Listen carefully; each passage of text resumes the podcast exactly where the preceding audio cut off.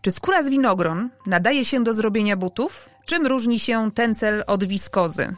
Dlaczego bawełnę tak trudno zrecyklingować? Czy w przyszłości będziemy drukować ciuchy w 3D, a może szyć je ze śmieci? O tym wszystkim porozmawiamy w szóstym odcinku podcastu Jak naprawić przyszłość.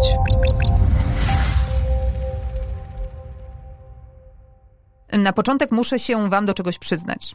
Nie śledzę modowych magazynów. Nie przepadam za zakupami, ani za oglądaniem ubrań. Wizyty w przymierzalni męczą mnie okrutnie. Jedynym ciuchem z wielkiego świata mody, jaki mam w swojej szafie, jest bluza Stelli McCartney, którą kupiłam w Lumpeksie. Po co więc zabieram się za temat mody? No bo uważam, że nawet takim ludziom jak ja, czyli osobom, które rzadko bawią się stylem i gorące trendy z modowych pism mają w nosie, temat kupowania nawet nam leży na wątrobie. No bo przecież coś na grzbiet trzeba włożyć. I chodzi o to, żeby nie tylko to coś wyglądało na tobie dobrze, ale żeby jeszcze powstało w uczciwy i przyjazny dla planety sposób. O tym będziemy dzisiaj rozmawiać a moimi gośćmi będą Ania Pięta, niegdyś współorganizatorka targów mody Hash Warsaw, Dzisiaj e, strateżka do spraw zrównoważenia w modzie i współtwórczyni odpowiedzialnej marki Nago, doktor inżynierii Marzanna Lesiakowska-Jabłońska, prorektor Via Moda Szkoły Wyższej w Warszawie, Jan Leśniak, autor trzech książek o szyciu, projektant i popularyzator szycia oraz Marta Karwacka, socjolożka biznesu, autorka bloga o etyce w branży odzieżowej How to Wear Fair. No to zaczynamy! Co zrobić, gdy wszyscy trąbią o nieuchronnej katastrofie? O apokalipsie ekologicznej, technologiach, nad którymi przestajemy panować, rosnących nierównościach społecznych, cyberwojnach, populistach, fake newsach. Możesz próbować odciąć się od złych informacji, uprawiać własny ogródek i udawać, że wszystko jest w porządku. Ale możesz też wziąć sprawy w swoje ręce. Naiwność?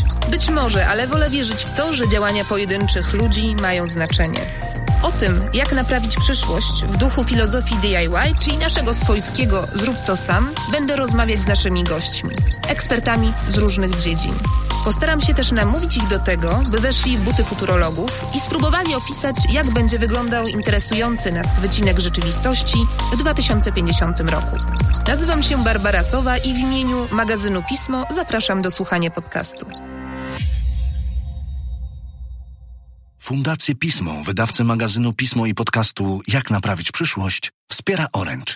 Przed nagraniem tego odcinka musiałam skonsultować temat z moim najlepiej uranym redakcyjnym kolegą. Wiecie, jak obecnie wygląda kalendarium wrzucania nowych kolekcji do sklepów? Mateusz oświecił mnie, że dawny podział na sezon wiosenno-letni i jesienno-zimowy dawno się zatarł. No bo sieciówki mają obecnie nawet po kilkanaście kolekcji w roku. A gdzie te wszystkie kolorowe ciuchy ostatecznie lądują? No oczywiście w śmieciach. Tylko w Polsce wyrzucamy 2,5 miliona sztuk tekstyliów rocznie. Jeśli to zabójcze tempo się utrzyma, to za kilka lat obudzimy się na wielkiej hałdzie starych łachów. Nadprodukcja to oczywiście nie jest jedyny problem. Branża modowa jest drugim po przemyśle paliwowym największym trucicielem na Ziemi. Według e, Organizacji Narodów Zjednoczonych, e, która uruchomiła Sojusz na rzecz zrównoważonej mody, przemysł ten generuje więcej dwutlenku węgla niż wszystkie loty międzynarodowe i żegluga morska łącznie. Co więcej, ta branża zużywa też olbrzymie zasoby wody. Przykład? No to weźmy taką koszulkę bawełnianą. Pewnie wielu z Was ma właśnie taką na sobie. Do jej wyprodukowania potrzeba było około 2600 litrów wody.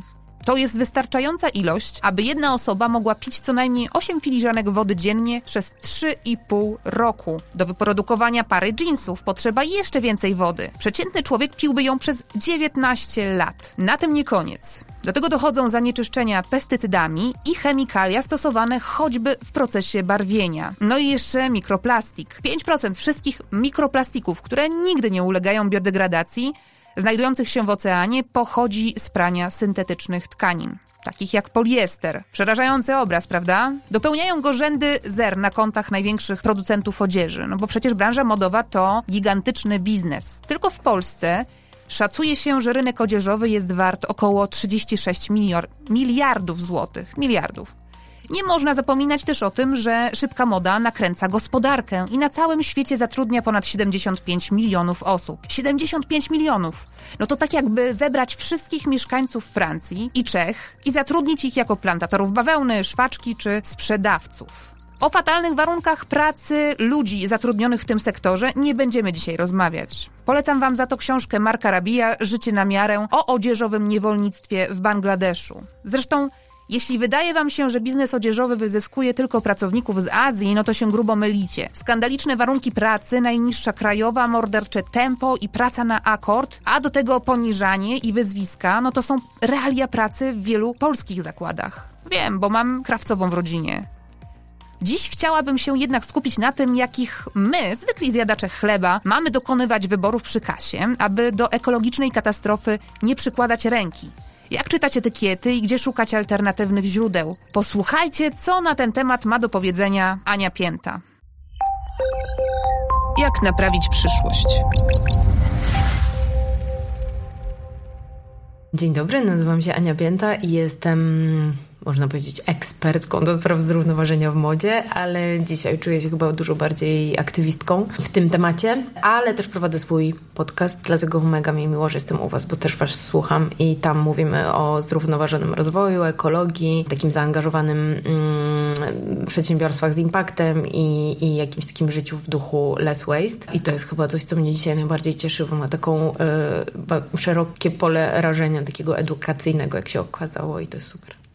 E, Aniu, powiedz, jak ty sobie wyobrażasz, w co będą się ludzie ubierali w 2050 roku. Mm. Ja w ogóle jestem pesymistką w tych tematach i nie wiem, czy my w ogóle jeszcze będziemy istnieć na planecie Ziemia, jeżeli Przyjmując, będziemy... że będziemy istnieć i że, jeszcze, że jeszcze będzie życie na Ziemi. Wiesz co, ja myślę, że największą przyszłością i dzisiaj też bardzo dużo o tym mówię i bardzo się wkręcam w te tematy i czymś, co jest tak naprawdę nieskończone, są śmieci. Więc ja myślę, że my będziemy nosić śmieci e, w różnej postaci. Już dzisiaj jest jedna marka, która w zasadzie prawie całą swoją kolekcję na tym opiera, bo recyklinguje opony na klapki, fusy kawowe, sieci rybackie. Oni wszystko oparli o śmieci. Recyklingują bawełnę, wełnę i jakby wszystko w ich kolekcji jest y, ze śmieci, dlatego że po prostu stwierdzili, że to jest jedyny nieskończony materiał dzisiaj na świecie. Więc myślę, że będziemy nosili y, śmieci pod różną postacią. Jest dosyć sporo na całym świecie już takich, mm, nawet nie w startupowej fazie, tylko w trochę większej fazie rozwoju, właśnie modowych konceptów, które korzystają też e,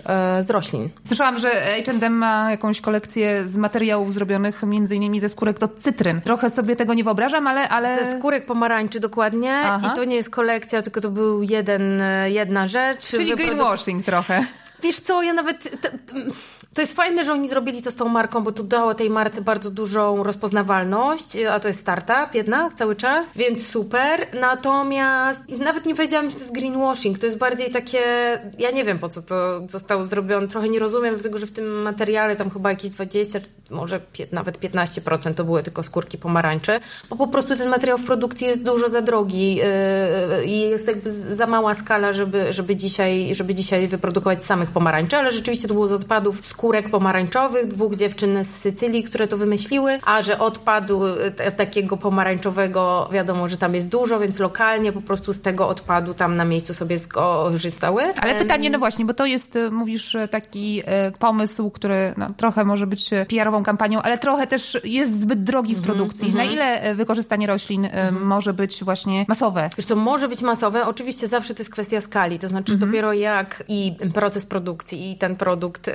właśnie stanie się, y, nie wiem, no musi się odważyć jakaś jedna większa marka, może która w to zainwestuje, która wprowadzi w swoje badania R&D na przykład coś takiego, ale coraz więcej tego się dzieje, no to wtedy wiadomo, jak wszystko to, to potanieje. Natomiast y, no dzisiaj to jest o tyle drogie, bo po prostu y, nie mamy, znaczy nie mamy, mamy technologię do tego, ale na małą skalę, więc to wszystko musi się wyskalować, żeby mieć jakieś, jakieś szerokie mhm. pole rażenia. Natomiast wszystkie rośliny, które zawierają celulozę, czyli taki ten budulcowy materiał w środku, nadają się do tego, żeby z nich zrobić właśnie mm, materiały. I dlatego dzisiaj ja teraz robię y, dla jednej z marek właśnie research wegańskich skór i to jest, i to jest, nie wiem, skóra z kaktusa dosłownie parę dni temu znaleziona, skóra właśnie z, mm, z winogron, skóra z kokosa, skóra z kory, skóra z grzybów i skóra z, mm, jeszcze coś tam było z jabłek. I, i to, są, y, y, to jest materiał budulcowy, to znaczy z tych skór można zrobić faktycznie tak, materiał tak, tak, tak. na ubranie? Z tych, z tych skór można zrobić torbę, z tych skór można zrobić buty i tak dalej.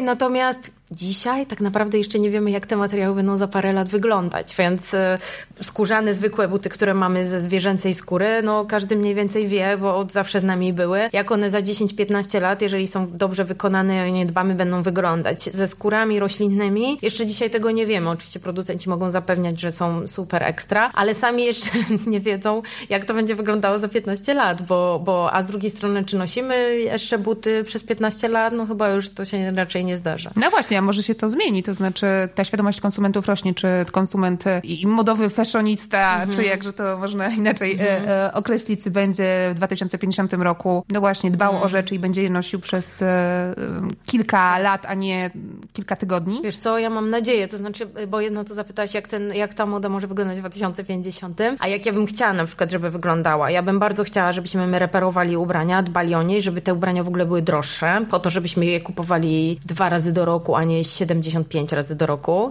Myślę, że bardzo duże, zresztą już duże marki, nawet sieciowe się na to przestawiają, pójdzie w tak zwany właśnie ten drugi obieg, czyli będzie można kupić z powrotem stare kolekcje lub zreperowane rzeczy i wprowadzone ponownie do obiegu lub ewentualnie wypożyczanie rzeczy. Jest marka, która ma taki leasing jeansów, na przykład duńska marka i możesz zapłacić sobie takie fee miesięczne za, za właśnie te jeansy, a jeżeli Nie, na, polskim podobają... rynku, na polskim rynku też jest taka inicjatywa, co chyba Biblioteka Ubrań, Tak, prawda? jest Biblioteka Ubrań, jest Bank Ubrań, jest um, jeszcze coś, trzy czy cztery takie koncepty teraz na ten moment kojarzę. Można sobie sukienkę taką wieczorową wypożyczyć, bo jaki sens jest kupować sukienkę, którą pewnie założymy raz w życiu, typu, nie wiem, na wesele, imprezę, coś tam i to kosztuje powiedzmy 200 zł, zamiast wydać na nią 1500 czy 2000 zł i potem kurzy się w szafie i tak nie wiem, co, gdzie ją nosimy po domu dla jaj. Więc, yy, więc, więc tak, więc myślę, że to jakby absolutnie wszystko, co, bo te rośliny to też jest odpad, nie? Ten roślinny, czyli tak naprawdę wszystko i, i ta skóra z winogron i na przykład skóra z jabłek powstaje z wytłoczyn, mm, które są odpadem z produkcji soków jabłkowych czy, czy, czy wina. Więc to też o to chodzi, nie? Żeby wykorzystywać ponownie to, co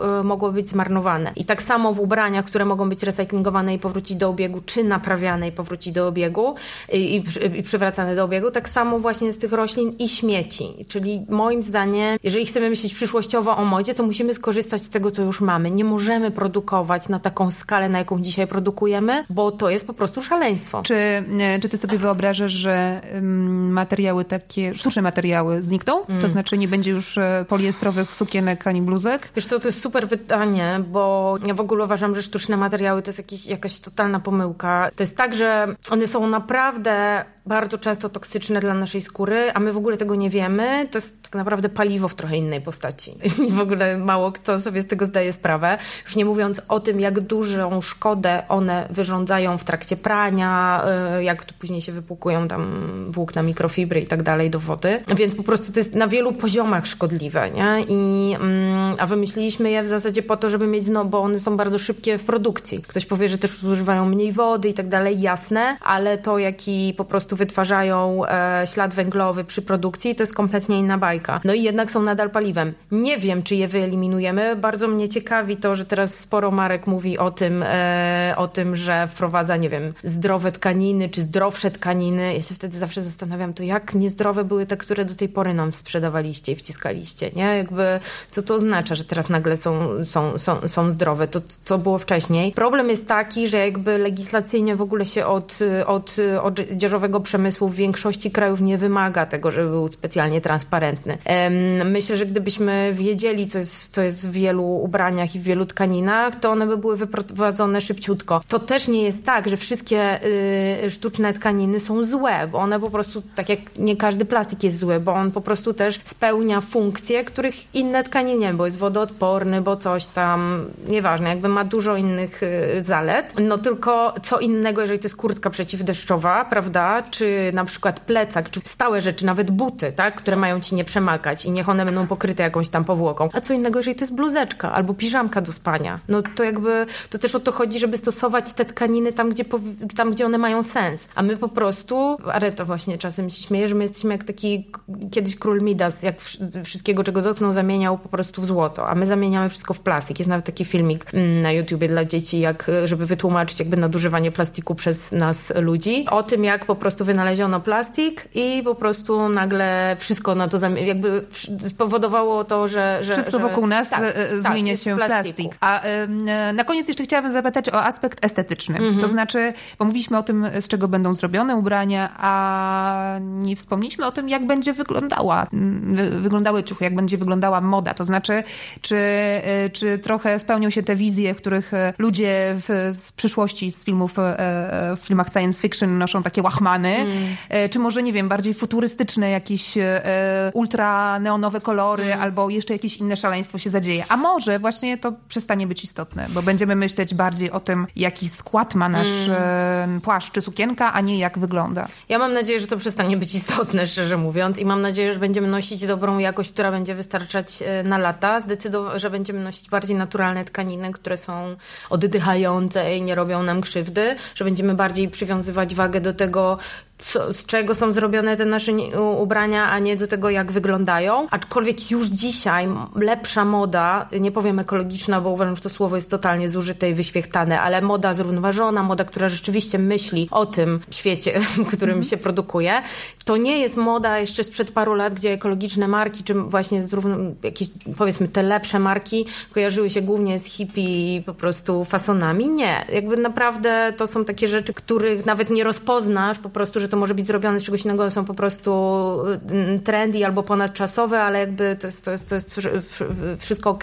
Nie wiem, czy mi się spodziewała jakiś właśnie, bo tak my zawsze sobie wyobrażamy, że jak jest coś za 30 lat, to jest bardzo futurystycznie i będziemy wszyscy w kaskach chodzić zamiast, y, nie wiem, tu, wiesz, tu będzie nam się, no jakby Black Mirror totalne. Nie, ja myślę, że jednak cały czas, y, że rozumiemy coraz więcej i że jednak to będzie bardziej odwrót do natury. Miejmy nadzieję, że jej zostanie wystarczająco dużo, plus ewentualnie rzeczywiście używanie jak najdłużej tego, co mamy. Świetnym przykładem jest na przykład, jeżeli mogę powiedzieć, marka Patagonia, która dzisiaj tak naprawdę swoją największą święci triumfy popularności. Jest zrównoważona 30 czy 40 lat. Oni organiczną bawełnę prowadzili w 91 roku już u siebie całkowicie. I, yy, i co? I oni po prostu, słuchajcie, to jest bardzo ciekawe, bo cierpią właśnie na to, bo oni reperują ubrania też, można sobie zreperować u nich ich ubrania, ale nie tylko, nie tylko ich, jeżeli mają taki tam dzień, dzień na to. I też yy, można oddać ubrania i je sprzedają w drugim obiegu. Ale mają taki problem, że ludzie generalnie, którzy noszą Patagonię, nie oddają tych rzeczy. Aha. Na tak długo im starczają. I jednocześnie edukują swoich y, klientów, konsumentów, nie wiem, fanów, tą całą community, która tam jest wokół, żeby reperowali. No więc jeżeli reperujesz, no to więc myślę, że więcej będzie takich rzeczy, że, że, że, że, że będziemy więcej wypożyczać, pożyczać, może się wymieniać, ja mam nadzieję, bo jeżeli w tym tempie będziemy konsumować, to do 2030 roku, czyli za 11 lat, nie za 21, na jednego ziemianina i ziemiankę będzie przypadało 18 kg tekstylnych śmieci. Więc raczej nie będziemy w łachmanach takich podartych, zwłaszcza, że na przykład też, e, bo będziemy mieli nadmiar tych ciuchów tak. i tak. Gdybyśmy dzisiaj przestali produkować śmieci, to i tak by e, ciuchy, to i tak by dla wszystkich starczyło na całym świecie, gdybyśmy to dobrze rozdystrybuowali. Ale też chodzi o to, że mm, a propos tych, tego pytania, robiąc taki lupior na koniec, do twojego o sztucznych tkaninach. One się tak samo długo rozkładają jak plastik, więc e, myślę, że za 50 lat to poliester jeszcze będzie się świetnie miał, nawet jeżeli dzisiaj już przestaniemy go produkować. Bardzo dziękuję w takim razie. Bardzo dziękuję, dzięki. Jak naprawić przyszłość? Rozmowa z Anią zainspirowała mnie do tego, żeby sprawdzić, z czego właściwie zrobione są ciuchy, które mamy na sobie. Przyjrzałam się tym najpopularniejszym poliestrowi i bawełnie. Jeśli chodzi o włókna syntetyczne, no prym wiedzie właśnie poliester. Wiedzieliście, że 60% politereftalanu etylenu, jakie trudne słowo, znanego bardziej jako PET, wyprodukowane jest e, dla przemysłu tekstylnego? No, produkcja butelek na napoje, a przecież to o butelkach, a nie o sukienkach typu PET słyszymy najczęściej, pochłania zaledwie 1 trzecią całej światowej produkcji tego surowca. Do produkcji poliestru potrzebne są substancje ropopochodne. Pochłania ona poza tym gigantyczne zasoby energii i równie dużo dwutlenku węgla uwalnia się w tym procesie do atmosfery. W grę wchodzą metale ciężkie, takie jak sole manganu, kobalt, bromek i dwutlenek tytanu. Na koniec powstaje też dużo zalegających latami śmieci. I co prawda poliester można odzyskać, przetapiając go w gorącej temperaturze, ale w tym procesie uwalnia się antymon, a to toksyczny pierwiastek wywołujący raka. Okej, okay. Poliester jest w 100% syntetyczny. A co z naturalną bawełną? Niemal połowa wszystkich tekstyliów na świecie jest przecież bawełniana. Przy jej produkcji rocznie pracuje około 300 milionów ludzi z Chin, z USA, Pakistanu, Turcji czy Brazylii. Większość z nas myśli sobie materiał naturalny, a więc pewnie bardziej przyjazny środowisku.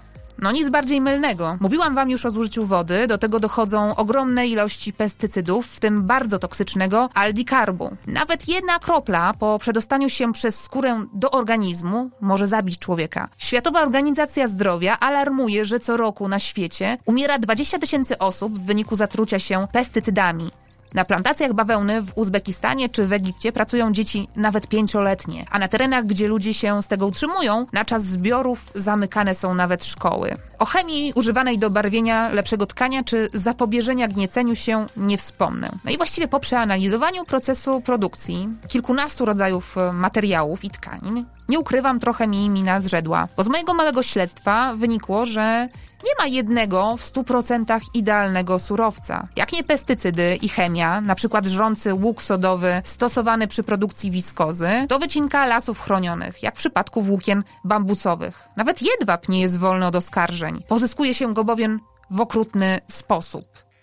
No postanowiłam e, poszukać rady u specjalisty, a właściwie u specjalistki. Jakie surowce i materiały wybierać, żeby nie mieć wyrzutów sumienia, że szkodzimy sobie i środowisku? O to zapytałam doktor inżynier Marzannę Lesiakowską-Jabłońską, prorektor Szkoły Wyższej Via Moda. Pytanie jest bardzo trudne z tego względu, że nie ma uniwersalnych surowców i uniwersalnych materiałów oraz nie ma też prostej odpowiedzi z punktu widzenia znaczenia dla środowiska, pozyskania, przetwarzania, przerobu poszczególnych surowców, materiały tekstylne, włókiennicze, a potem w odzież.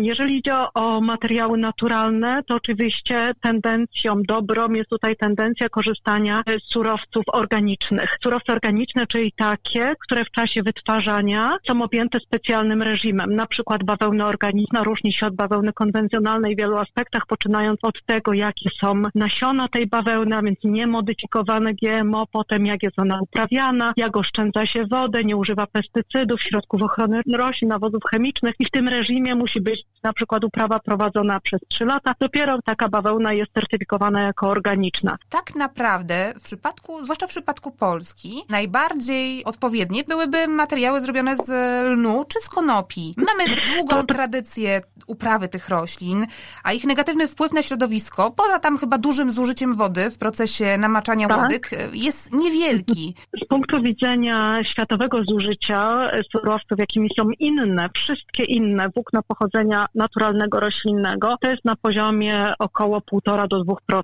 Więc w porównaniu z pozostałymi surowcami, które są wykorzystane, to jest znikomy procent. Istotnie Polska miała bardzo długie tradycję uprawy lnu. Kiedyś przy każdej zagrodzie uprawiano len. Mieliśmy też duże uprawy lnu. No niestety zatraciliśmy. My też nie mamy bardzo dobrego klimatu ze względu na to, jak właśnie pani wspomniała. Problemem z lnem jest problem roszczenia, tak?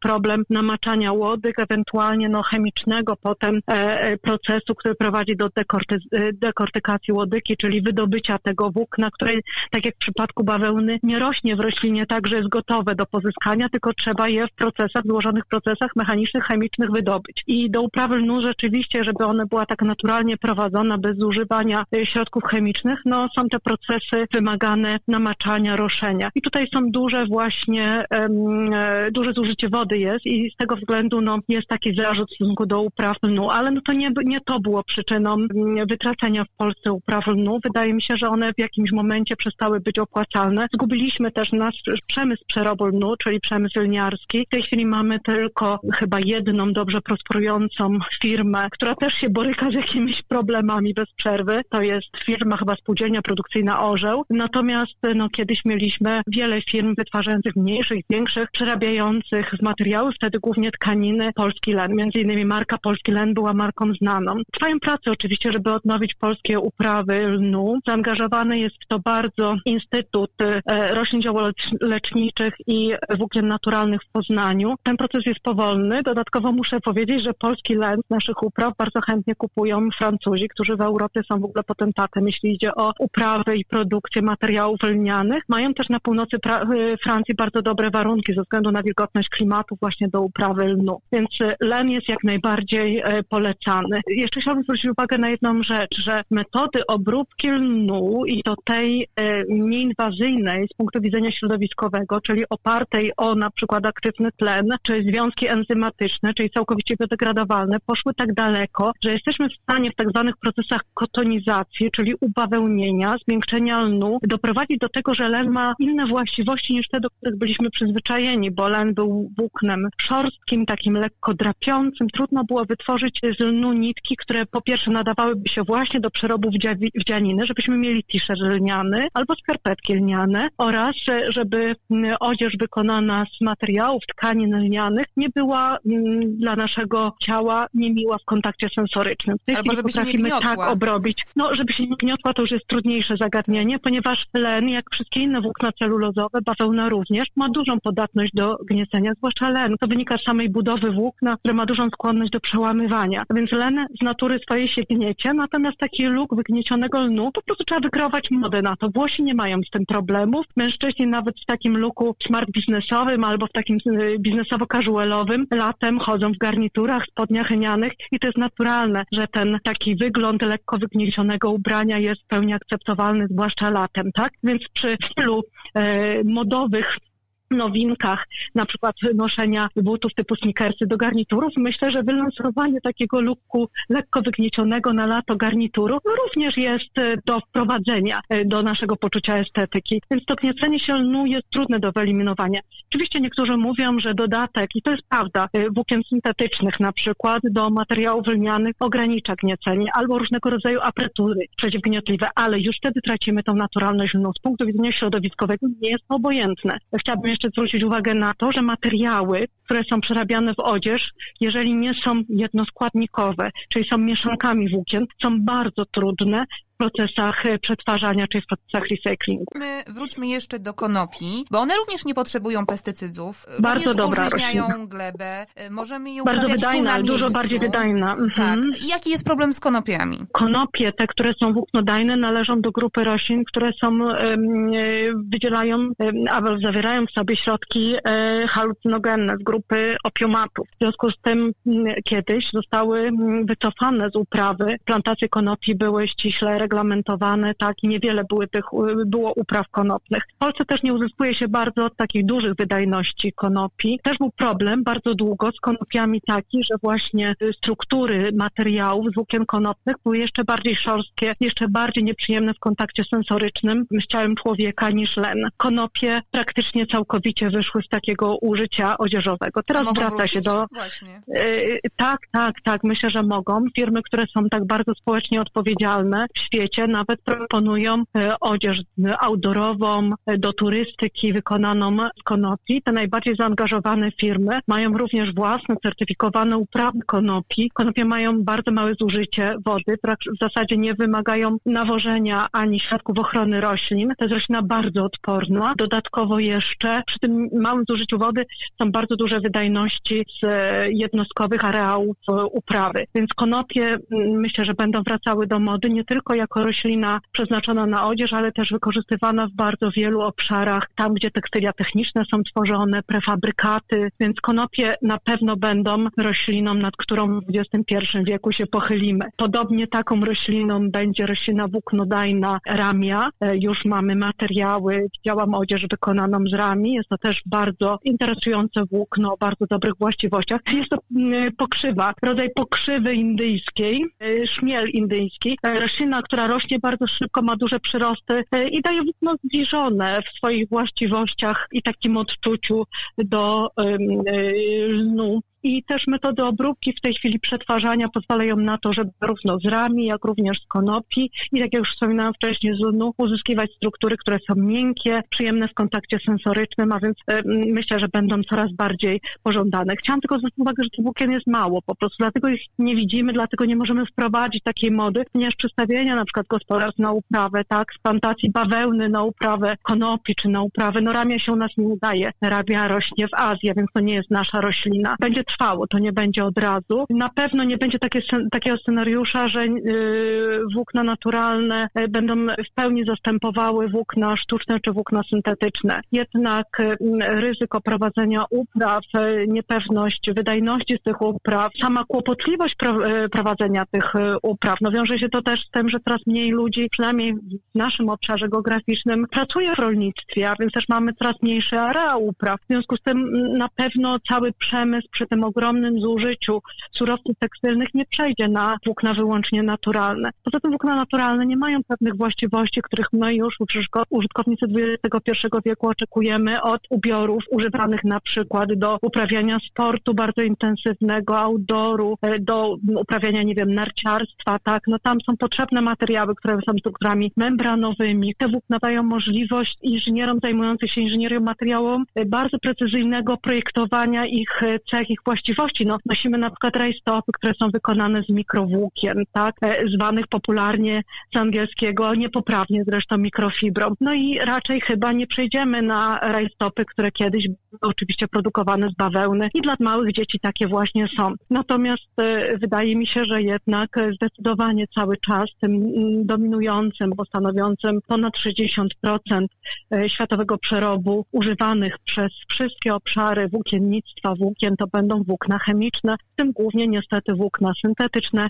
Znaczy może nie wiem, czy dobrze powiedziałam niestety, dlatego że te włókna są coraz doskonalsze, procesy produkcji coraz czystsze, mamy coraz bardziej efektywny recycling tych włókien, a przeczytałam ostatnio, że są bardzo dalece zaawansowane prace nad e, enzym pochodzenia bakteryjnego, które są w stanie e, w krótkim czasie rozkładać polimery, tym poliester. I e, te prace są na tyle obiecujące, że wydaje się, że będziemy w stanie w bardzo nieodległej perspektywie czasowej opracować przemysłowe technologie do pełnej degradacji polimerów, które utraciły swoją zdolność użytkową, albo technologie do pełnego recyklingu struktur polimerowych. A proszę powiedzieć, bo sieciówki chwalą się ubraniami z tencelu ostatnimi czasy, inaczej tak, zwanego chyba lajocelem, nie wiem, czy dobrze wymawiam.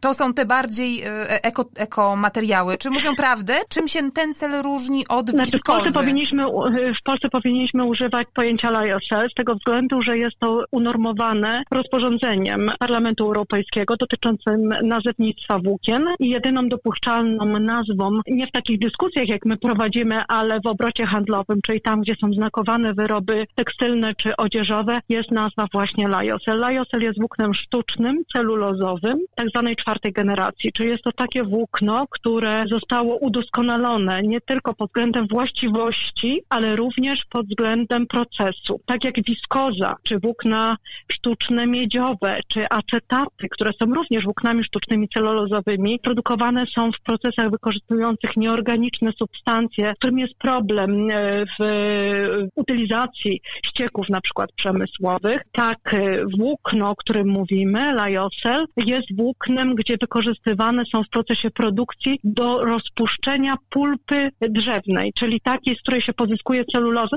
też dla przemysłu papierniczego, do roztworu przędzalniczego wykorzystuje się wyłącznie organiczne rozpuszczalniki, czyli takie, które ulegają naturalnej biodegradacji, które nie zanieczyszczają środowiska. Bazą surowcową wyjściową jest celuloza pozyskiwana z a więc gdybyśmy tutaj popatrzyli, że jednak trzeba te drzewa wycinać, tak, żeby produkować to włókno, no to już tego aspektu w pełni ekologicznego nie ma. Natomiast jeszcze jeden aspekt, który przemawia na przykład za wykorzystaniem takiego włókna, to jest pełna biodegradacja, no bo to jest włókno celulozowe, więc ulega procesowi, bardzo szybkiemu procesowi biodegradacji. Pani rektor, proszę powiedzieć, bo tak naprawdę myślę, że podobnie jak ja dzisiaj byłam trochę skonfudowana, jak już zaczęłam czytać więcej o właściwościach surowców i, i materiałów, tak też pewnie są skonfudowani zwykli konsumenci. To tak naprawdę, jeśli komuś bardzo zależy na tym, żeby być e, proeko, to idąc mhm. do sklepu, po co ma sięgnąć w pierwszej kolejności, żeby nie mieć tych wyrzutów sumienia? Prostej odpowiedzi nie ma, bo jeżeli sięgniemy po coś w pełni syntetyczne, ale wiemy, że e, na przykład jest jednoskładnikowe i firma zadbała potem o zbieranie e, tej odzieży po to, żeby poddać procesowi przetworzenia, e, no to myślę, że tutaj jest bardzo silny aspekt ekologiczny. Jeżeli sięgniemy po struktury wykonane z włókien naturalnych, no to oczywiście pochylamy się nad tym, jak zostało wytworzone na początku włókno. No też jeszcze bardzo ważne ważna rzecz, że kupując odzież mamy jeszcze troszkę większy problem niż problem, który na przykład występuje przy analizie, która torba na zakupy jest bardziej ekologiczna, ponieważ odzież niestety nie jest strukturą jednoskładnikową. Odzież ciężka, czyli nasze płaszcze, kurtki, żakiety, dodatkowo mają takie składniki, które tworzą y, podszewki, składy klejowe, które powodują, że musimy oceniać całą tę kompozycję. Jeżeli ona jest niedobrze skomponowana, czyli na przykład mamy sukienkę z lnu, ale z podszewką wykonaną na przykład z bardzo standardowego poliestru, no to już ocena tej struktury nie jest tak prosta, nie jest tak jednoznaczna. Jest to dosyć niestety wszystko skomplikowane. Ja bym chciała na to zwrócić uwagę. Ja niedawno, przygotowując się do jakiegoś wykładu, znalazłam e, dane, które mówią o tym, że bawełniana torba wcale nie jest takim na zakupy e, bardzo modna i będąca takim flagowym produktem dla osób, które są proeko, wcale nie jest taka bardzo ekologiczna, ponieważ jak wynika e, z danych, które opublikowało Duński Urząd Ochrony Środowiska w 2018 roku, najbardziej proekologiczną. Jest torba, która wykonana jest e, z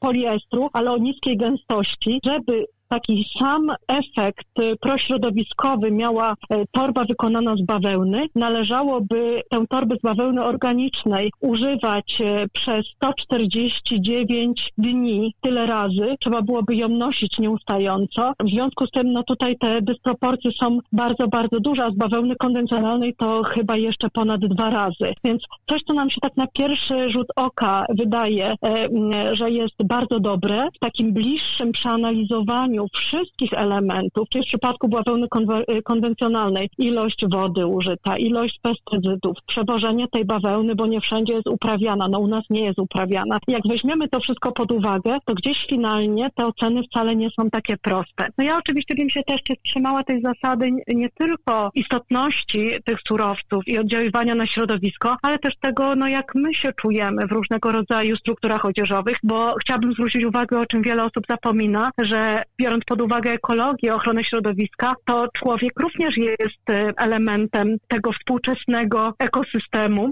i e, bardzo też jest ważne, co my użytkujemy. I z punktu widzenia człowieka na pewno lepsze oddziaływanie na naszą skórę mają włókna, które są włóknami naturalnymi, ewentualnie nawet takimi, o których się mówi, że mają e, takie dobroczynne oddziaływanie na nasz organizm, że potrafią stabilizować florę bakteryjną. Ja bym chciała na koniec zapytać, mhm. ponieważ zawsze w moim podcaście jest e, taki element, jak Pani zdaniem, który z tych już stosowanych, testowanych materiałów, surowców może zrewolucjonizować przemysł odzieżowo-tekstylny? Czy jest na to szansa, a czy może jeszcze czekamy na taką rewolucję? I czy ona w ogóle w najbliższych, powiedzmy, 30 latach nastąpi? Ja bym chciała powiedzieć o takich trzech kierunkach rozwoju. Dwa z nich są w kontrze. Jeden, jedna prognoza to, że będziemy jednak e, uznawali jako bardziej luksusowy ten kierunek rozwoju bazy surowcowej, która oparta będzie o materiały naturalne, które będą coraz droższe i coraz trudniej dostępne. Drugi kierunek rozwoju to będzie kierunek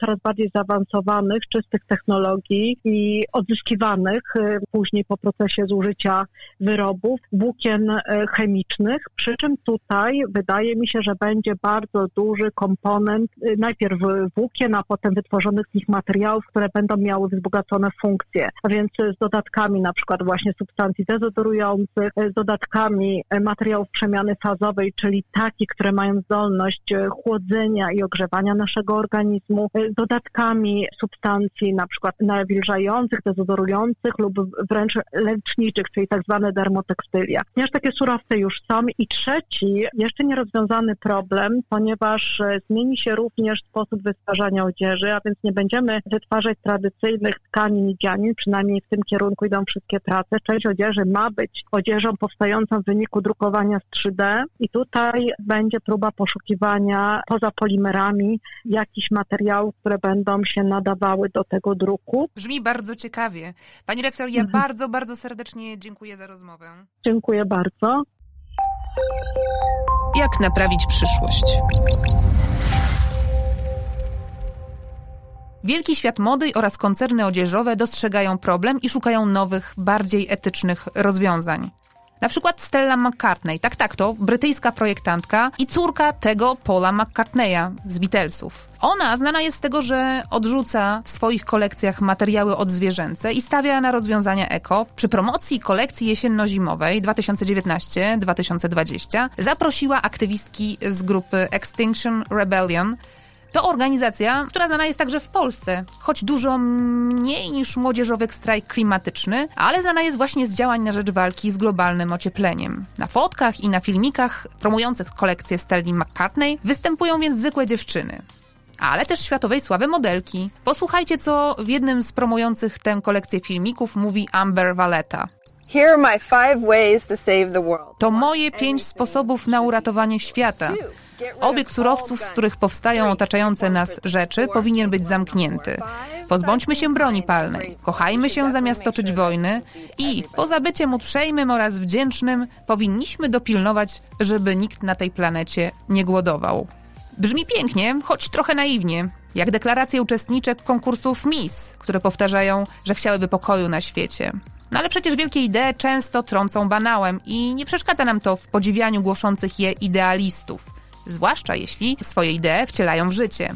Modelka, którą przed chwilą słyszeliście, na tym filmiku ma na sobie futro, które do złudzenia przypomina prawdziwe, ale prawdziwym oczywiście nie jest. A to dlatego, że jednym z ostatnich dokonań Stelli McCartney jest futro zrobione z włókien roślinnych. W składzie nadal ma poliester, ale pochodzący z recyklingu. Czy to będzie rozwiązanie stosowane na masową skalę?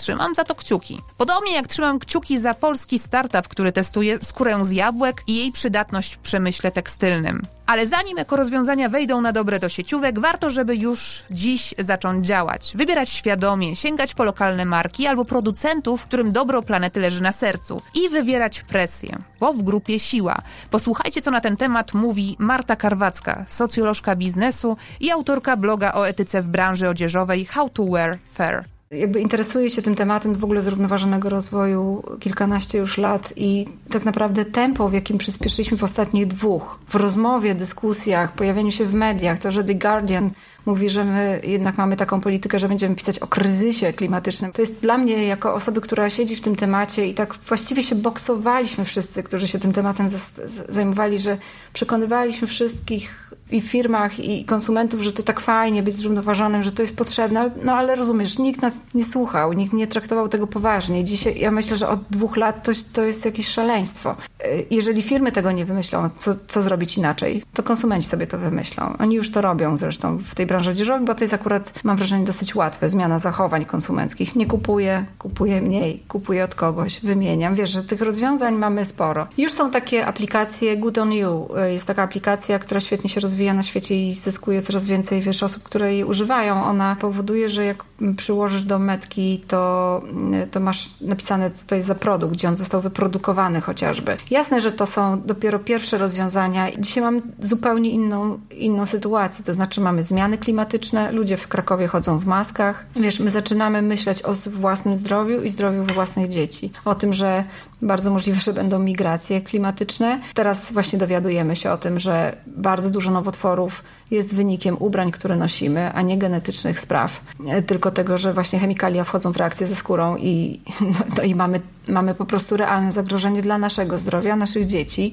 I ja myślę, że to jest czynnik, to znaczy to poczucie bezpieczeństwa mobilizuje nas do działania i mobilizuje nas też do tego szukania informacji. W moim przekonaniu, nie wiem czy tak będzie, ale w moim przekonaniu to jest właśnie ten element, to poczucie zagrożenia, które powoduje, że ta branża ma szansę się zmienić. Jeżeli mamy to poczucie zagrożenia, to coraz więcej ludzi się tym interesuje. Jeżeli coraz więcej ludzi się tym interesuje, to zaczynają też interesować się tym politycy. I wtedy mamy szansę na regulację, bo ja myślę, że gigantycznym problemem w bardzo wielu sferach, jeśli chodzi o zrównoważony rozwój, bo Prawda jest taka, że czegokolwiek nie dotkniemy, wysypuje nam się worek kolejnych wyzwań. Tak bardzo chyba zepsuty jest ten system po prostu. Natomiast już teraz Francja zakazuje niszczenia ubrań. Już teraz Komisja Europejska pracuje, pracuje nad ustawą, która ma zakazywać niszczenia w ogóle produktów, których nie, sprzedamy, bo czy to chodzi o telefony, notesy, ubrania, jakby cokolwiek. Więc to są takie kroki. Jasne, że one wymagają jeszcze, moim zdaniem, nacisków konsumenckich, bo z drugiej strony lobby producenckie bardzo mocno działa. Ja myślę, że jeżeli rzeczywiście będziemy czuć to poczucie zagrożenia, a, no, a wysypują się te informacje, jeśli chodzi o branżę odzieżową, zresztą myślę, że zaraz będzie tak z każdą branżą tak naprawdę, no to my zaczniemy po prostu działać. To, to, to że Greta wyciągnęła 4 miliony ludzi na ulicę w ciągu roku, moim zdaniem to jest niesamowite.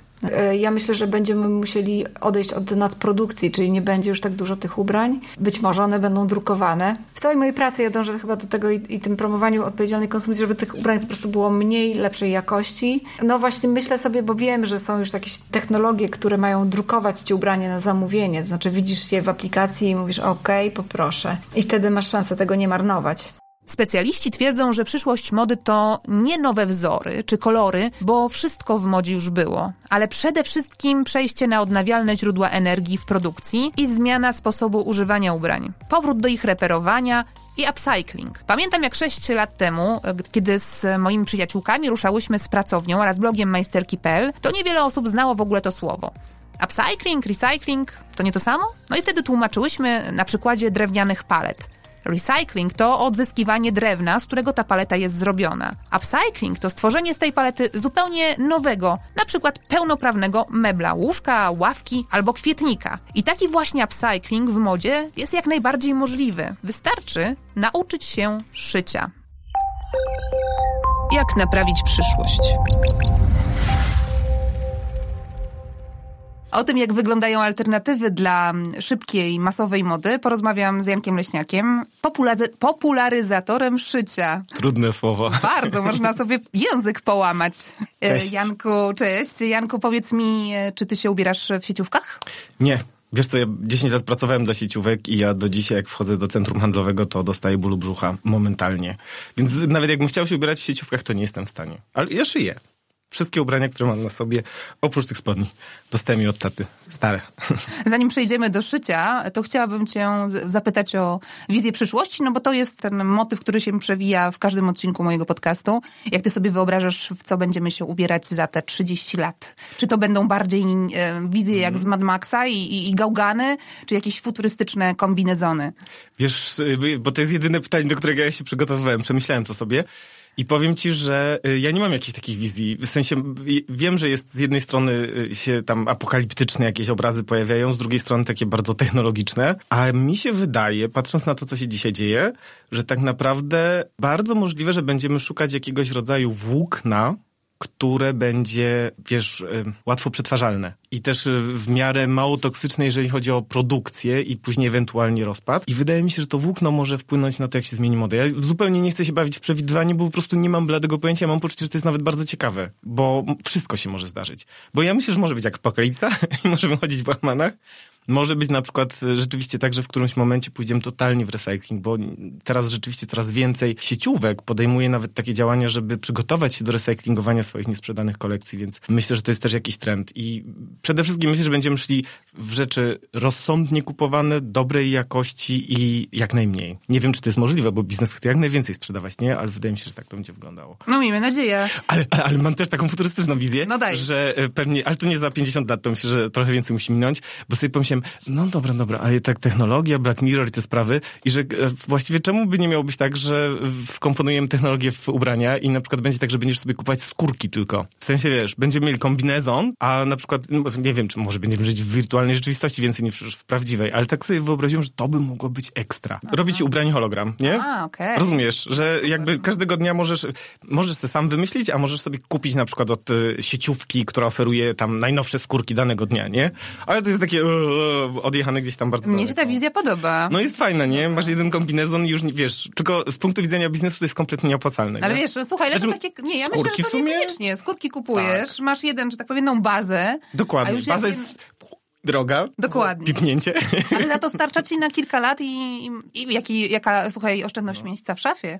No, no, no, w ogóle szaf nie będzie, nie? Przecież nie będzie miejsca na szafy, tyle nas będzie na tym świecie. No dobrze, tośmy sobie tutaj trochę pofuturyzowali i pożartowali, ale tak naprawdę problem jest e, poważny, bo, bo rzeczywiście branża modowa e, szkodzi naszej planecie Mhm. I, i tak jak mówiłeś, pewnie wiele osób e, szuka jakichś alternatyw, szuka, szuka sposobów na to, jak od branży modowej, tej szybkiej mody, od fast fashion uciec. I ucieka w szycie, Właśnie, ucieka w szycie. Tak? Ja bym powiedział, że szuka alternatywy. Wiesz, jakoś nie wiem, czemu nie pasuje mi to uciekanie, bo ja mam jednak poczucie, że dużo ludzi jeszcze nie do końca złapało tą świadomość, chociaż fajne jest to, że rzeczywiście w 2020 roku bardzo dużo ludzi ma świadomość tego, jak dużo odpadów produkuje i jak nie, czekajcie, jakie to takie słowo, jak nieproduktywne jest robienie ciuchów. Masę rzeczy jest wyrzuconych, masę rzeczy jest e, niepotrzebnie produkowanych, nie? To, to jest mój problem właśnie, kiedy ja wchodzę do galerii handlowej. Ja po prostu widzę, że jest tyle szmat, że ja jako projektant przestałem się zajmować projektowaniem, bo nie miałem potrzeby robić kolejnych. No, Natomiast rzeczywiście poszedłem w szycie, które jest tą alternatywą dla tych sieciowych marek. I to jest e, realna alter- alternatywa dla jak dużej grupy? Ile osób w ogóle się interesuje szyciem, uczy się szyć? Wiesz co? Ym, niedawno akurat właśnie dowiadywałem się, że w tym roku w Polsce sprzeda, w 2019 100 tysięcy maszyn do szycia zostało sprzedanych Wow. i to rzeczywiście od kilku lat cały czas te wyniki rosną, więc myślę, że to szycie naprawdę robi się też bardzo fajnym trendem. Ale ty Takim- mówisz o maszynach indywidualnych, czy takich, Tak, tak, które tak, indywidualnych. trafiają do... Indywidualnych, to są maszyny domowe. No właśnie, jak to szyje? Bo jak pamiętam e, swoją mamę, która szyła, em, bardzo dużo zresztą, nie tylko ubrań, ale też szyła na przykład kołdry, to wynikało z problemu niedoboru, tak? E, Perelowskiego niedoboru i braku rzeczy na półkach i chęci tego, żeby mieć coś, coś e, dobrej jakości, coś ciekawego, coś fajnego, coś, co będzie choć trochę przypominało te zachodnie wzorce podpatrzone gdzieś na scenach, estradach, tak? Natomiast dzisiaj na ten niedobór raczej nie ma co narzekać. Dzisiaj mamy raczej przesyt. Powiem ci, że właśnie ja mam poczucie, że to, to jest taka różnica pokoleniowa. Ja, jak zaczynałem kilka lat temu zajmować się szyciem, to ciągle jeszcze wokół szycia była taka atmosfera, że to jest, jakby wszyscy pamiętali to i kojarzyli z czasami, kiedy nie było dostępne, kiedy ciuchy nie były dostępne i szycie było tak naprawdę sposobem zaradzenia niedostatkowi. I kojarzyło się źle. Natomiast w ciągu tych pięciu lat rzeczywiście udało się to i mam poczucie, że ja też trochę w tym maczałem palce, jako ten popularyzator, pokazać szycie jakby temu nowemu pokoleniu jako super narzędzie ekspresji. I w tym momencie wydaje mi się, że rzeczywiście nowe pokolenia myślą o szyciu raczej jako bardzo fajnym, kreatywnym hobby, którym daje ci szansę rzeczywiście bawić się y, swoim stylem, ale też trochę opowiedzieć o sobie. Takie mam poczucie, że wiesz, jak patrzę na to, co robią dziewczyny, bo rzeczywiście to jednak zdecydowana większość jest dziewczyn, chociaż zdarzają się rodzynki. Ja prowadziłem też kurs męskiego szycia. Ludzie Po co? Po co rzeczywiście, jak już zaczynają szyć, to no nie wszyscy, ale bardzo dużo ludzi zaczyna szaleć. Ja jestem aż zaskoczony tym. Ja pracowałem jako projektant w sieciowych markach. No i tam oczywiście kolor szary, granatowy i czarny, no to jest e, zawsze najlepiej sprzedający się kolor. A kiedy patrzę na to, co ludzie szyją, to bardzo rzadko to są rzeczy czarne, szare i granatowe. To są rzeczy absolutnie kolorowe, wzorzyste, coraz bardziej zwariowane fasony dziewczyny używają, więc no bardzo fajne, jakby mam poczucie, że ta grupa, która szyje, tworzy zupełnie osobną gałąź, no nie, nie wiem, czy to nazwać to modą, bo to nie jest związane jakoś z biznesem, mi się moda jednak kojarzy ze sprzedażą, ale taki wizerunkowo, o, nową gałąź. Czyli bardziej... Nie, stronę- chyba nie odpowiedziałem na twoje pytanie, ale Nie, no, ostrzegałem. Jak, jak rozumiem, jest to raczej chęć zrobienia czegoś oryginalnego, czegoś szalonego, podkreślenia własnego stylu, Tak. a niekoniecznie, e, czy właśnie czy to wynika ze świadomości, czy to, nie walimy w mikrofon, Tak, czyli nie wycinamy tego dobrze, przepraszam. Ale to emocje, jak po prostu, jak się podkręcam, to zaczynam machać rękami. Jak naprawić przyszłość? A czy to wynika z, em, zwiększon- ze zwiększonej świadomości tego, w jaki sposób e, działa branża modowa, tego, że chcemy jednak trochę być bardziej odpowiedzialni? e, Czy ten aspekt ekologiczny ma znaczenie?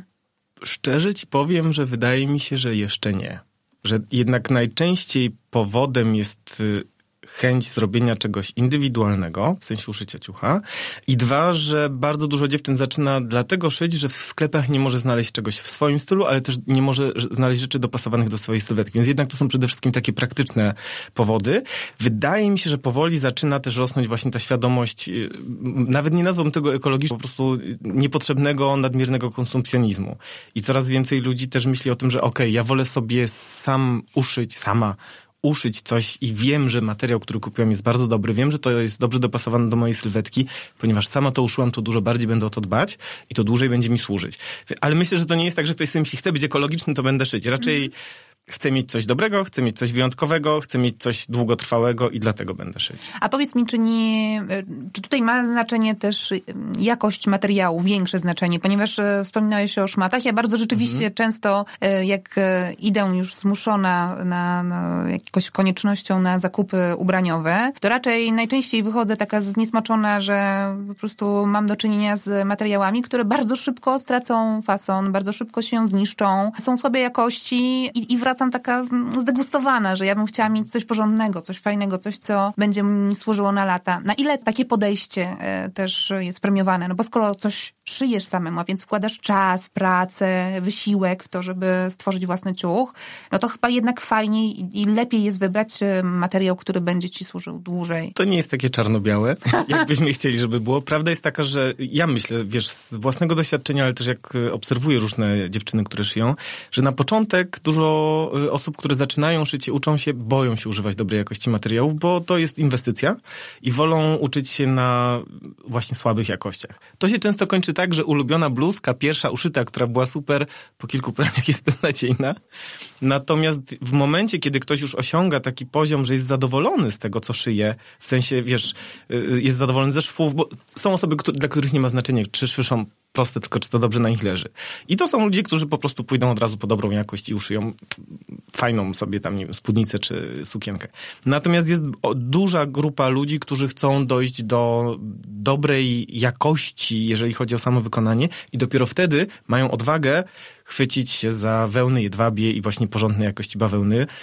Mam wrażenie, że ludzie też często nie czują się po prostu wystarczająco pewnie przy maszynie, żeby sięgnąć po materiał dobrej jakości. Moim zdaniem to nie ma związku. To, to nie musi być tak, że trzeba świetnie szyć, żeby uszyć z dobrego materiału. No ale w, rozumiem, że niektórzy jakość kojarzą nie tylko jako jakość materiału, ale też jako jakość wykonania. Mhm, mhm to prawda. A gdzie ty kupujesz materiały i co mógłbyś poradzić osobom, które chciałyby mm, znaleźć e, materiał dobrej jakości, naturalny, taki, który będzie jak najmniej szkodził e, środowisku? Przede wszystkim ja nie kupuję materiałów. to jest tak, że wiesz co, jakiś czas temu zrobiłem porządek w swojej pracowni, jak kończyłem prowadzenie szkoły szycia i przenosiłem się po prostu do pracownicy, zacząłem robić inne rzeczy. I okazało się, że ja mam tyle materiałów na półkach, że obiecałem sobie, że nie kupuję nic nowego, dopóki tego nie zużyję. Mhm. I zużywam to od kilku lat. A, jakby... okej. Okay. Zasób tak, był dokładnie. porządny. Tak naprawdę ja myślę, że warto mm, nie tylko w sklepach z materiałami szukać ubrań, bo ja teraz, uwaga, tu będzie, posuwamy moją ideę. Ja się przygotowuję do tego, żeby zacząć ludziom pokazać, jak przekształcać ubrania, których nie noszą w nowe ubrania albo w akcesoria. W sensie, mhm. co robić z ubraniami, które masz w szafie i których być może nie używasz, żeby ich nie wyrzucać, a żeby im dać no, No i to jest genialna myśl, myślę, tak. tak. Biorąc ja, pod uwagę... ja kilka projektów mam w głowie przygotowanych i sprawdzam, co wyjdzie, nie? Coś na pewno i wiem, że w tym Możesz roku... Możesz zdradzić, co to za projekty? Nie mogę. Wiesz co, nie wszystkie są stuprocentowo moje, ale to jest tak, że rzeczywiście to, co mogę zdradzić, znowu uderzyłem w mikrofon, to, co mogę zdradzić, to to, że każdy z nich jest związany z przetwarzaniem ubrań. I ja widzę, że to też, e, oprócz tego, że to jest ekscytujące dla ludzi, bo e, nawet dla mnie jako projektanta, wiesz, że w którymś momencie się skapnąłem, że projektowanie kolejnego ubrania z beli, materiału, to jest taki banał. po prostu już tyle tego było i wszystko można wymyślić. A w momencie, kiedy masz na przykład pięć koszul i trzeba z tych pięciu koszul coś zrobić, a jednocześnie jeszcze możesz to zrobić tak, żeby podkreślić, że to jest z czegoś, co już żyło, w sensie użyć mankietu, użyć jakichś y, detali, które w tych koszulach były, na przykład kołnierzyków i nadać im nowe znaczenie, no to to jest po prostu moim zdaniem super koncepcyjna zabawa, a też dla odbiorców to jest bardzo ciekawe. Ja mówię tutaj o ludziach, którzy uczą się życia, bo to są moi odbiorcy, ale wydaje mi się, że to też może być bardzo ekscytujące właśnie dla stylistów, dla ludzi, którzy się lubią bawić yy, swoim stylem mhm. i w ogóle ubraniami. Więc no jestem bardzo ciekaw, jak to pójdzie. To trzymam kciuki Dzięki. i też czekam na kolejną książkę, jak rozumiem, bo tam znajdziemy pomysły. Tak, znaczy docelowo będzie o tym książka, bo to jest pomysł na czwartą książkę w tym momencie, ale zanim ona powstanie, to ja jednak trochę chcę się tym pobawić, nazbierać materiałów, też poobserwować, co ludzi bardziej kręci, co mniej, wtedy będę dobrze wiedział, co, co w tej książce zawrzeć. Ja myślę, że potencjał jest, chociażby rozmawialiśmy przed dzisiejszym nagraniem o pomyśle na e, aukcję e, na wielką O, Joance Z, tak, e, właśnie. pomocy. To, to była aukcja plecaka, który został uszyty ze starej kurtki, prawda? Tak, Joanka Z, bo to bardzo ważne, bo to jest, ja jestem w ogóle fanem Joanki Z. To jest bardzo taka, no, proekologiczna, y, nazwijmy ją rękodzielniczka, o. I Joanka zrobiła taką aukcję, że od, nie pamiętam niestety nazwiska tej podróżniczki, bo nie interesuje się podróżnikami, ale jakąś bardzo taką fajną babeczkę znalazła. Ona przekazała jej dwie kurtki ona z tych kurtek uszyła dwa plecaki. Dwa plecaki albo jeden plecak, już nie pamiętam. Y, No i aukcja rzeczywiście bardzo fajnie poszła i w ogóle ludziom bardzo się podoba ta idea, więc no, trzymam kciuki też za Joankę i dalsze jej kroki. Tak jest. A proszę powiedzieć o, proszę powiedzieć. Proszę powiedzieć, dzień dobry, Dzień pani dobry. redaktor. Janka, powiedz mi, em, Proszę tu powiedzieć pani. ci szczerze, że No. chyba tak wesoło to jeszcze chyba w żadnym moim podcaście nie było jak dzisiaj.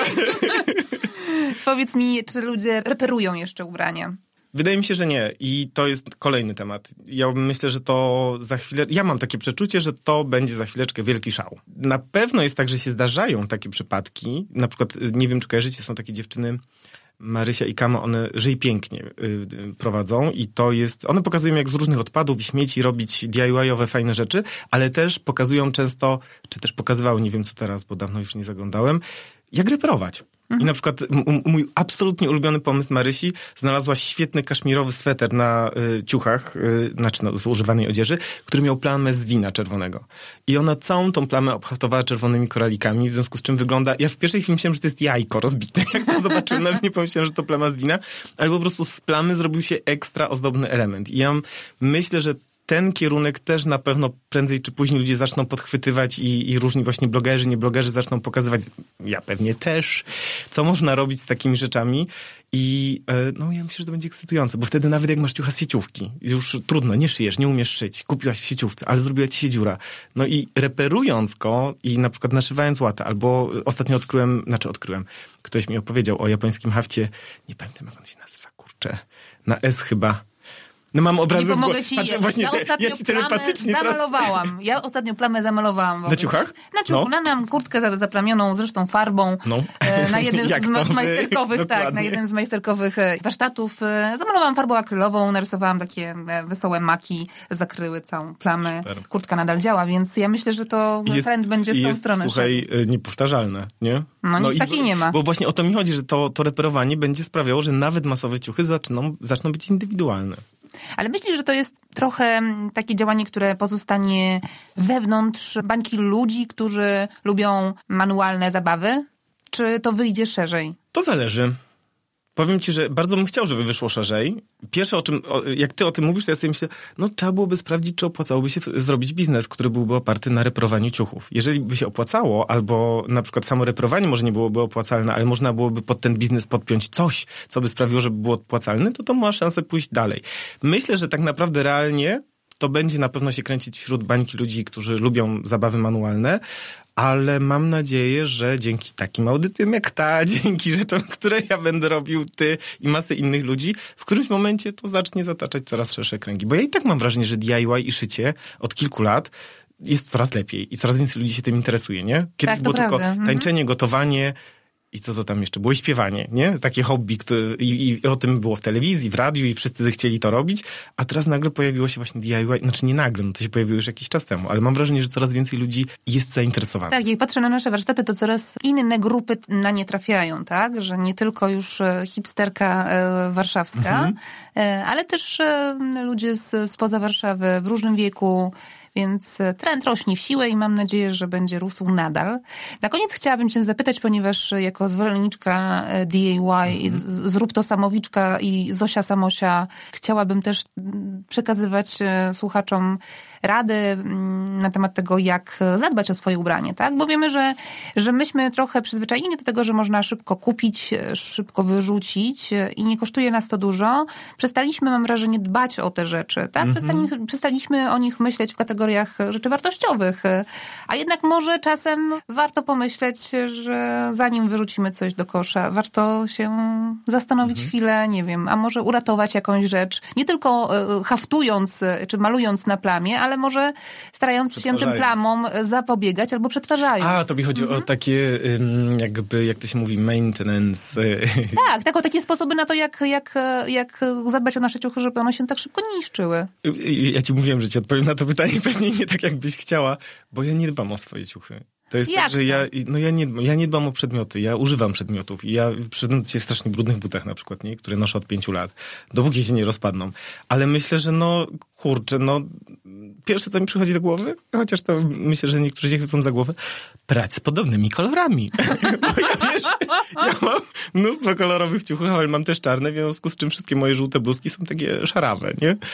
Ale tak naprawdę to przede wszystkim myślę, że ja bym radził na etapie zakupu wybierać dobrą jakość. Taki mhm. podstawowy y, test, to jest test kciuka tak zwany. Bierze się materiał i dwoma kciukami się go rozpycha. I jeżeli on wróci do swojego tego, no to znaczy, że to jest dobra. A jeżeli nie wróci, to prawdopodobnie po kilku praniach będzie rozciągnięty. No i choćbyśmy prali w rękach i w 30 stopniach, to on i tak prędzej czy później się rozciągnie. Więc ja myślę, że to dbanie o ciuchy, no to wiadomo, no, no kurczę, chyba każdy dba o swoje ciuchy. Mam nadzieję, że każdy dba o swoje ciuchy. No, w sensie bierzemy je i, i staramy się ich nie wiem, no bo ja, ja, ja mam takie pomysł, co można robić z ciuchami źle?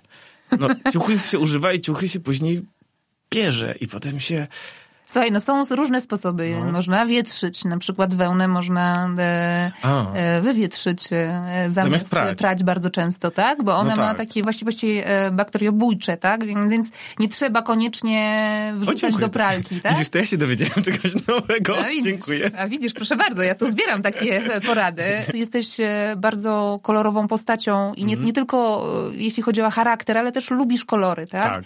Mm. Akurat ja pamiętam, na szaro. Ja akurat czekaj, dzisiaj, tak, czekaj. ale masz żółtą koszulkę. No właśnie, moja żółta poszerzała koszulka jest pod bluzą. Masz żółtą koszulkę, ja pamiętam jak się poznawaliśmy, jak uczyłeś mnie szyć torby, bo ja dzięki Jankowi się nauczyłam szyć torbę.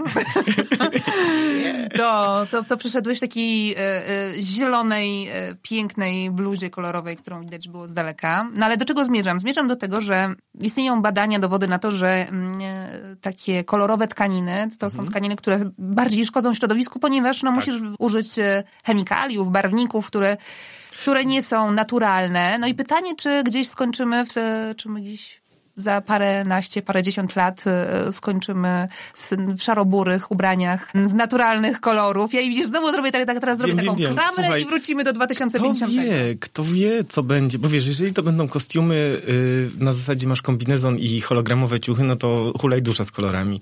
Nie wiadomo, w jaką to stronę pójdzie. Może uda się opracować takie sposoby barwienia, wiesz, włókien, że nie, to nie będzie aż tak toksyczne. Natomiast tu ważna rzecz, czarny kolor jest najbardziej obciążającym środowisko. To warto wiedzieć, wszyscy miłośnicy czarnego. Kto ma dzisiaj Kto ma dzisiaj Na dzisiaj nie. dzisiaj nie. A coś chciałem jeszcze powiedzieć. A, już wiem, co chciałem powiedzieć, bo ja niedawno odkryłem na Instagramie Ole, która y, zajmuje się farbowaniem naturalnymi y, barwnikami, to znaczy roślinami. I to absolutnie mnie fascynuje. Ona wydała książkę, to się nazywa Dzikie Barwy. Dzikie Barwy nazywa się jej strona, nazywa się też książka. Zresztą chyba wczoraj miała nawet, czy dzisiaj ma wieczór autorski w Warszawie? Wiem, że nie było szans, żebym się tam do, y, jakby czasowo zjawił, ale ja myślę, że to może też być przyszłość. Nie? Że rzeczywiście trochę bardziej zaczniemy się interesować takimi naturalnymi sposobami farbowania, bo to wiesz, to nie są fluorescencyjne kolory, ale to jest naprawdę szeroka paleta barw. I myślę, że jeszcze nie wszystkie właściwości są odkryte. W sensie, że są jeszcze rośliny, którymi można farbować, a jeszcze o tym nie wiem. I liczymy na to, że te rośliny będą y, odkrywane i ich y, właściwości y, poznamy wkrótce. Nowe właściwości. Za nią piętą rozmawialiśmy o, o tym, że można zrobić skórę z, ze skórki winogron, skórę na buty mhm. ze skórki winogron, albo i w ogóle testuje się jakieś różne nietypowe rośliny do tego, żeby one stały się tworzywem dla przemysłu odzieżowego, tekstylnego. Kto wie, no, e, No trzymamy właśnie, kciuki, może to tak. pójdzie w tą stronę, że rzeczywiście te materiały, te nowe włókna, to będą przetworzone odpady. Kto Za to, trzymamy, wie? za to trzymamy kciuki. Bardzo dziękuję za rozmowę. Dzięki też wielkie. Jak naprawić przyszłość? Kupuj mniej, wybieraj dobrze i spraw, by pozostało na dłużej. To słowa Vivienne Westwood, ikona mody, matka chrzestna punka, która projektowała ubrania dla Sex Pistols. I myślę, że to idealne podsumowanie tego odcinka. Nasuwa mi się jeszcze jedna myśl. Wiecie, jakie jest najbardziej zrównoważone i etyczne rozwiązanie? No oprócz tego, żeby nie kupować w ogóle. Odzież vintage.